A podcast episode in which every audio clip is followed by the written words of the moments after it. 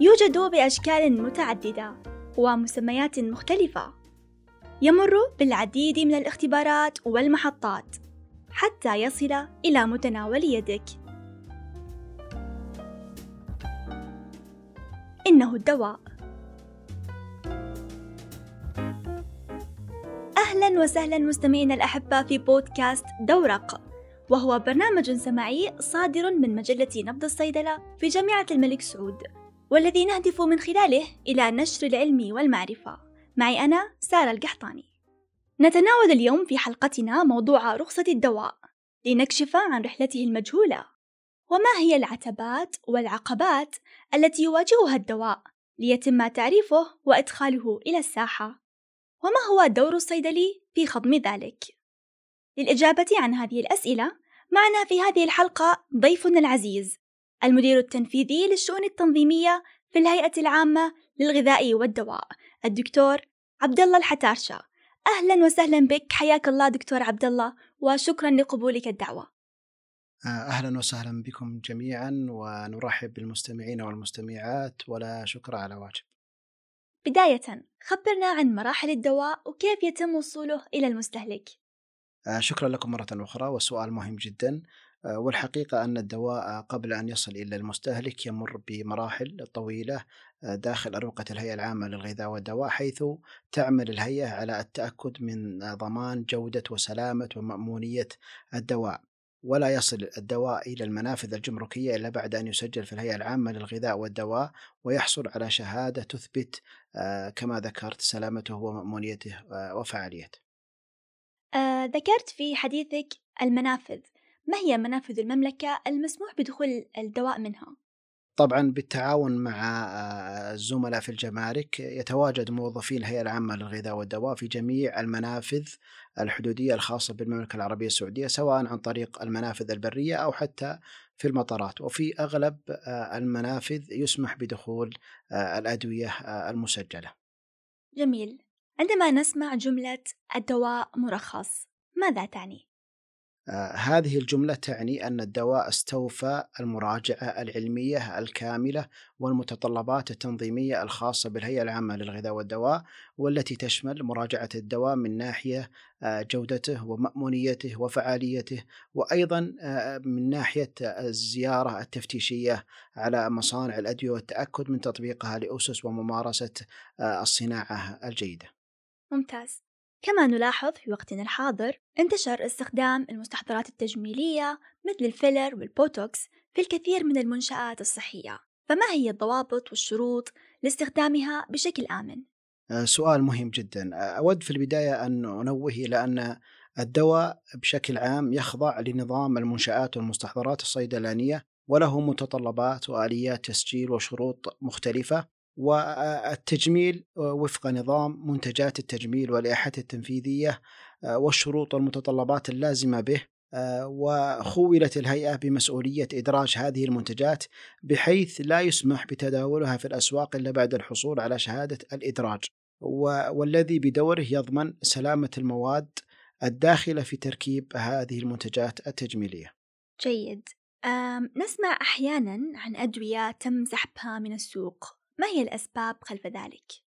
سؤال مهم جدا في خضم أن نسمع هذه الأيام بسحب بعض المنتجات في الحقيقة هنالك أسباب عديدة تستدعي سحب الدواء لعل من أبرزها ظهور مخاطر تتعلق باستخدام الدواء أو وجود خلل تصنيعي يؤثر على جودة الدواء أو عدم فعالية الدواء بسبب فشل دراسة التكافؤ الحيوي أو أي مسببات أخرى وبلاغات الأعراض الجانبية أيضا تقيم من جانب الهيئة وتقوم باتخاذ الإجراءات المناسبة بناء على خطورة هذه الأعراض ويمكن أن يعلق أو يسحب الدواء لحماية المرضى آه، من هذه الأعراض وأود الإشارة إلى أن هنالك لجان آه، فنية علمية في الهيئة العامة للغذاء والدواء تدرس ما يطرأ على المنتجات المسجلة وبناء عليه يتم اتخاذ القرار المناسب سواء بتعليق المنتج أو آه، بالتعليق وسحب المنتج من السوق.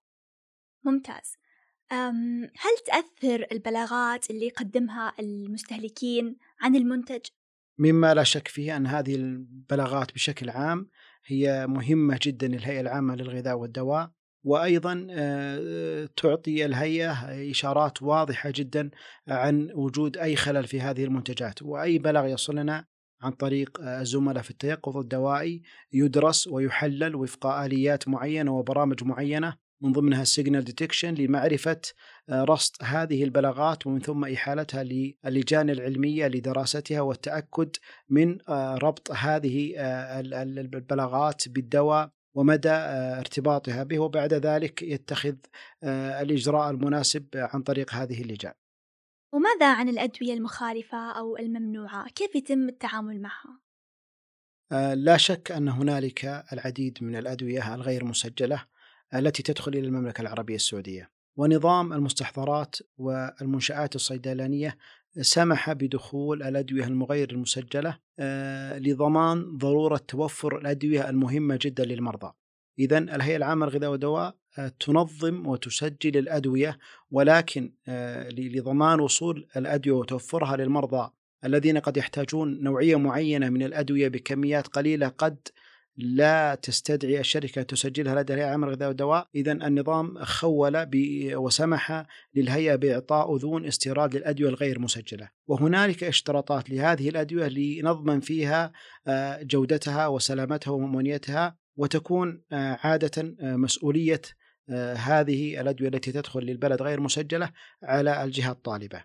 أيضا هنالك العديد من الأدوية التي قد تكون مخالفة أو قد تكون مغشوشة أو قد تكون يعني واردة عن طريق بعض مواقع البيع والشراء الإلكترونية هذه الأدوية يتعامل معها زملاء في التفتيش بالتعاون مع الجهات المعنية بالرقابة على الصيدليات وتحرز في في حينها ويتم إجراء اتخاذ الإجراء المناسب مع المخالفين فيها. آه، دكتور ذكرت في حديثك أن بعض الأدوية الغير مسجلة يمكن استيرادها بكميات قليلة للمرضى الذين يحتاجونها. ما من هم المرضى الذين يحتاجون هذه الأدوية؟ سؤال مهم جدا. لا نستطيع صراحة تحديد نوعية معينة من المرضى أو مرض معين يكون آه، يعني بسببه نسمح بدخول الأدوية الغير مسجلة. هي بشكل عام آه، مادة منصوص عليها في النظام تسمح باستيراد الأدوية الغير مسجلة وفق الحاجة. من من الأمثلة على الحاجة أحيانا قد ترصى آه، مناقصات على أدوية مسجلة ولكن لأسباب معينة الشركة آه، المالكة لحق التسويق لهذه الأدوية المسجلة لا تستطيع الالتزام بالمناقصة التي رصيت عليها فتضطر الجهات التي تقدم الخدمة العلاجية إلى النظر واللجوء إلى آه، إلى استيراد أدوية غير مسجلة لتغطية هذا الخلل. أيضا هنالك بعض الأمراض النادرة آه، التي ترى الشركات العالمية أنها يعني لا تستدعي تسجيلها في الهيئة العامة للغذاء والدواء آه، لأسباب آه، اقتصادية بحتة، نتكلم عن رسوم تسجيل الأدوية، رسوم التفتيش، إجراءات كثيرة فترى أنها تورد مباشرة للمستشفيات المرجعية. نحن الآن في الهيئة العامة للغذاء والدواء نعمل مع المستشفيات المرجعية والجهات المعنية للشراء للحد بقدر الإمكان من طلبات آه، دخول الأدوية الغير مسجلة، ولكن آه، بما أن هدفنا الأول والأسمى هو آه، المرضى والحرص على توفر الدواء للمرضى بالطريقة الصحيحة لابد من وجود هذه المرونة في النظام إلى أن نصل إن شاء الله عز وجل يعني مستقبلا إلى أن تكون جميع الأدوية التي تدخل إلى المملكة العربية السعودية مسجلة 100% وأيضا متوفرة للمرضى بنسبة 100% آه، بإذن الله عز وجل آه، دكتور عبد الله ممكن تحكي لنا قصة دواء تم سحبه من السوق؟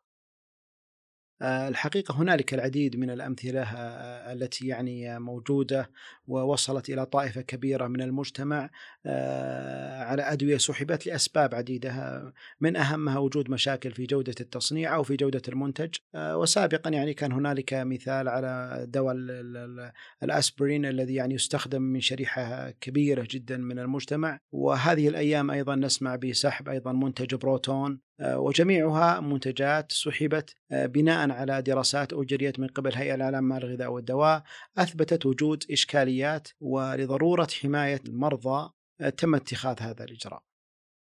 ممتاز. سمعنا مؤخرا عن نظام التتبع الدوائي رصد. ما هو هذا النظام ومين يخدم؟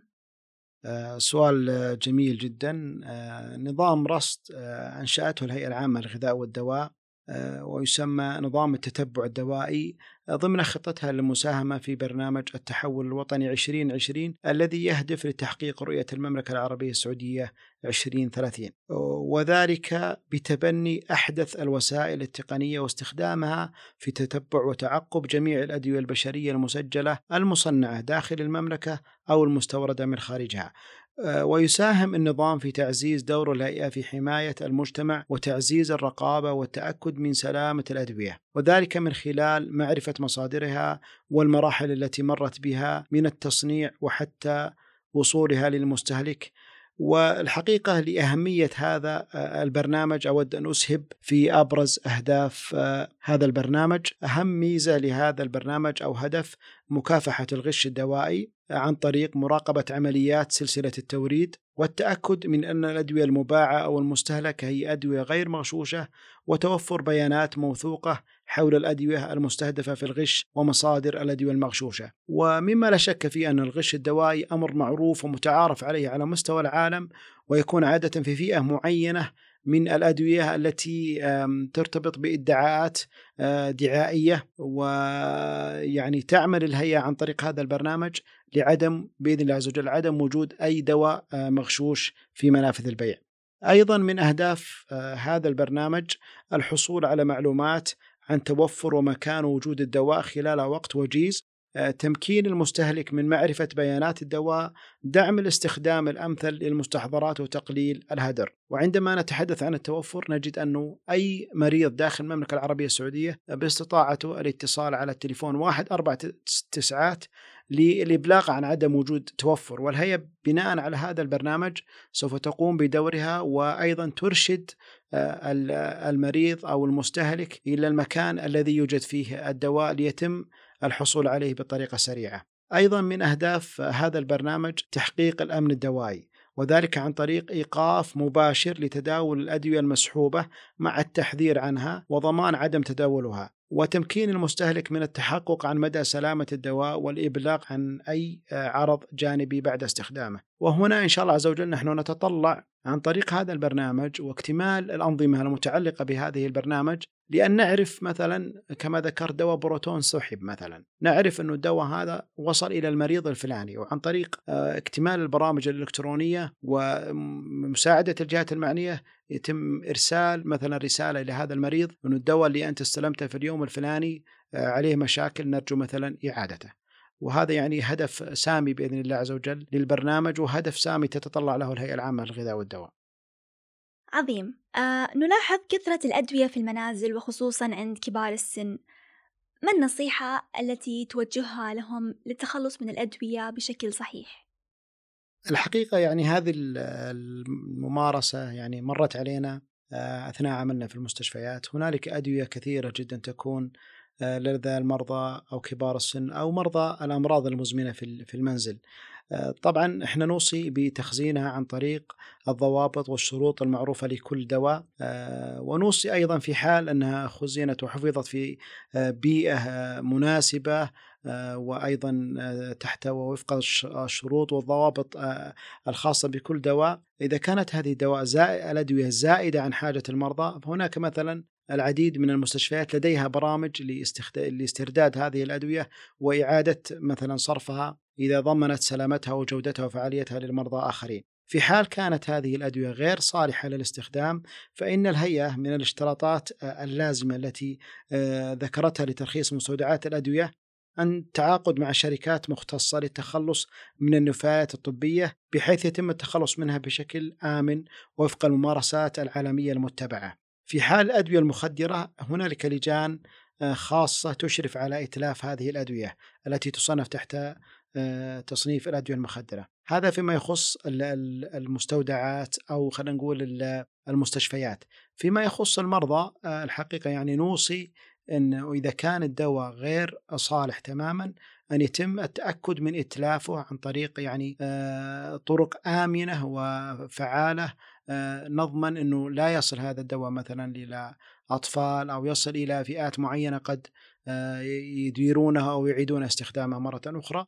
وأعتقد إنه بإمكان آه، المرضى إعادة إيصال هذه الأدوية للمستشفيات والتأكيد على أنها أدوية غير قابلة للاستخدام وكل مستشفى لديهم آلية متبعة ومعتمدة للتخلص من هذه الأدوية حسنا دكتور ذكرت في بداية الحوار عن الأدوية المستوردة وترخيصها ماذا عن الأدوية الوطنية؟ ما هي التراخيص المطلوبة لإنشاء مصانع الأدوية وتصريح المواد الخام؟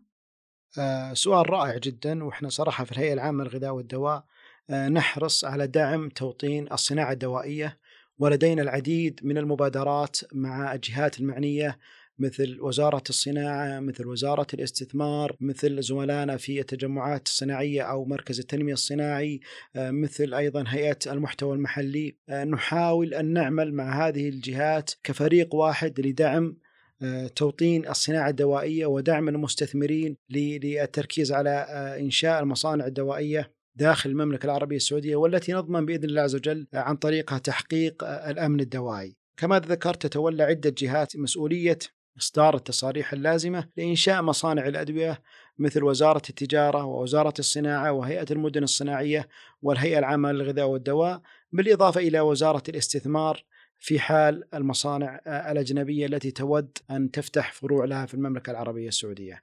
الهيئة العامة للغذاء والدواء بالذات يعني يتلخص دورها في إعطاء الاستشارات الخاصة ببناء المصنع من البداية بحيث انه يبنى المصنع وفق آه، الممارسة التصنيعية الجيدة أو ما يعرف بال GMP، ثم بعد ذلك يتم في زيارات تفتيشية حتى آه، يمنح المصنع آه، شهادة ال GMP. وكيف يتم تصريح المواد الخام؟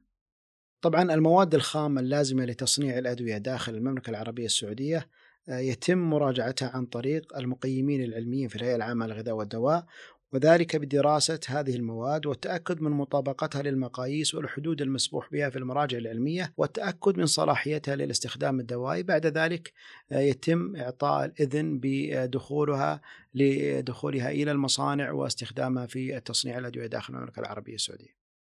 ممتاز. ومرورا بكل هذه المراحل من تصنيع الأدوية والتراخيص إنشاء مصانع الأدوية ما هي ضوابط وشروط تخزين المنتجات الدوائية في المستودعات؟ طبعا كما ذكرت هنالك آه، العديد من الاشتراطات الخاصة بالمستودعات. ذكرت في آه، مدونة أسس ممارسة التوزيع والتخزين الجيدة وهذه المدونة منشورة على موقع الهيئة العامة للغذاء والدواء. ولا يحصل أي مستودع على رخصة من الهيئة إلا بعد التأكد من وجود جميع الاشتراطات اللازمة لضمان ظروف التخزين المناسبة في المستودع. طبعا هنالك مفتشين لدى الهيئة العامة للغذاء والدواء في كل فرع. في سواء في فرع الرياض أو فرع القصيم أو حتى فرع الدمام، جدة، تبوك، جازان، آه، أبها، لدينا ولله الحمد العديد من المفتشين، يقوم المفتشين بزيارة المستودعات والتأكد من وجود آه، جميع المتطلبات والتي يعني تشمل آه، يعني وجود درجات حرارات معينة، وجود ثلاجات معينة للأدوية التي تحتاج إلى تبريد أو درجة حرارة معينة، عدم وجود مثلا ظروف أو أو مساعدات لزيادة الرطوبة مثلا. هنالك العديد من من من الاشتراطات يتأكد المفتشون من آه، من تواجدها. بعد ذلك يمنح المستودع الرخصة آه، النهائية لمزاولة مهامه.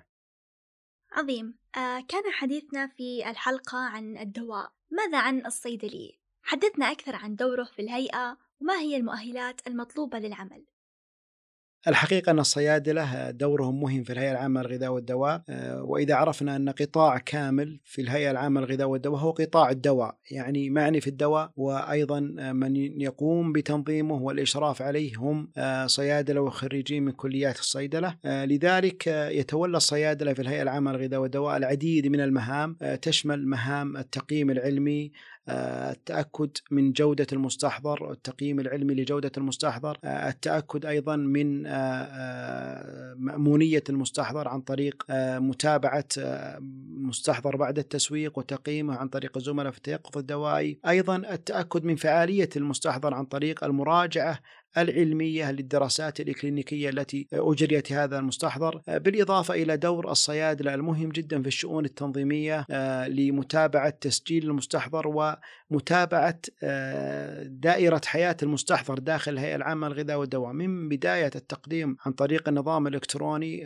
سدر لتسجيل الأدوية حتى تسجيل المنتج. وأيضا متابعة المنتج بعد تسجيله عن طريق مراجعة التعديلات أو الفاريشن أو حتى التجديد المستحضر بعد انتهاء شهادته، كل هذه العملية يشرف عليها من البداية حتى النهاية صيادلة، أيضا لا ننسى دور الصيادلة المهم جدا في التفتيش على مصانع الأدوية والتأكد من تطبيقها لاسس الممارسة الصناعية الجيدة، أيضا لا ننسى دور الصيادلة في جزئية مهمة جدا جدا في دورة حياة الدواء وهو ال clinical trial حيث أن الهيئة تقوم آه، بإعطاء الموافقة لإجراء الدراسات السريرية على الأدوية داخل المملكة العربية السعودية وهذه الموافقة تتطلب مراجعة علمية كاملة للدراسات السريرية آه، وبروتوكول هذه الدراسات والتأكد من من حصولها على جميع الموافقات سواء من اللجان الأخلاقية أو أيضا من من الهيئات المرجعية. وبعد ذلك يقوم الزملاء في في آه،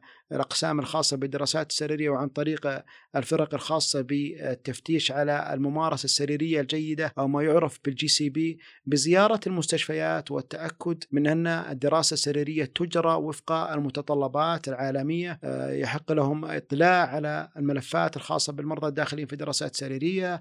التأكد من من أن جميع ما ما أجري من آه، دراسات سريرية داخل المستشفيات مطابق للبروتوكول الذي قدم على الهيئة العامة للغذاء والدواء، اذا يتضح لنا أن هنالك العديد من الفرص للصيادلة المتوفرة في أروقة الهيئة العامة للغذاء والدواء سواء عن طريق التقييم العلمي أو حتى التقييم في عن طريق جودة المستحضر أو ما بعد تسجيل المستحضر، فعالية المستحضر، الدراسات السريرية، التفتيش على مصانع الأدوية، كل هذه المجالات أيضا مجالات يعني متاحة للصيادلة في الهيئة العامة للغذاء والدواء. أود أيضا أضيف أن الهيئة العامة للغذاء والدواء ترحب بتدريب زملائنا آه، وأخواننا وأخواتنا الصيادلة في المسارات النهائية من دراستهم في الكليات الصيدلة. فالهيئة تدرب العديد من الصيادلة. لدينا الحمد لله برامج الآن نعمل عليها خاصة حتى بالفيلوشيب أو حتى بعد ذلك بعض درجات الماجستير بالتعاون مع بعض الجامعات داخل المملكة العربية السعودية. جميل جدا. دكتور ماذا بالنسبة للمؤهلات المطلوبة للعمل في الهيئة؟ الهيئة العامة للغذاء والدواء تحرص على استقطاب الصيادلة وخصوصا المتخرجين حديثا من كليات الصيدلة المعتمدة داخل أو خارج المملكة العربية السعودية. أيضا هنالك مسار آخر للتوظيف عن طريق استقطاب أصحاب الخبرات المعينة التي تحتاجها الهيئة سواء بدرجة الماجستير أو الدكتوراه. جميل جدا. دكتور عبد الله شكرا لك على هذه الحلقة الغنية بالمعلومات والممتعة. آه، الشكر موصول لكم ولزملاء الذين رتبوا هذا اللقاء ولجميع من يعمل على مجلة نبض الصيدلة. الحقيقة سعيدين جدا بتعاوننا معكم وحريصين جدا أيضا على التواصل المستمر مع آه، إخواننا طلاب وطالبات الصيدلة. وإن شاء الله عز وجل نراكم قريبا يعني في أروقة الهيئة العامة للغذاء والدواء. بإذن الله. شكرا جزيلا لك. مستمعينا الأحبة هذه كانت حلقتنا لهذا اليوم من بودكاست دورق. أرجو أن تكون قد نالت إعجابكم. كانت معكم سارة القحطاني. نلقاكم على خير بإذن الله.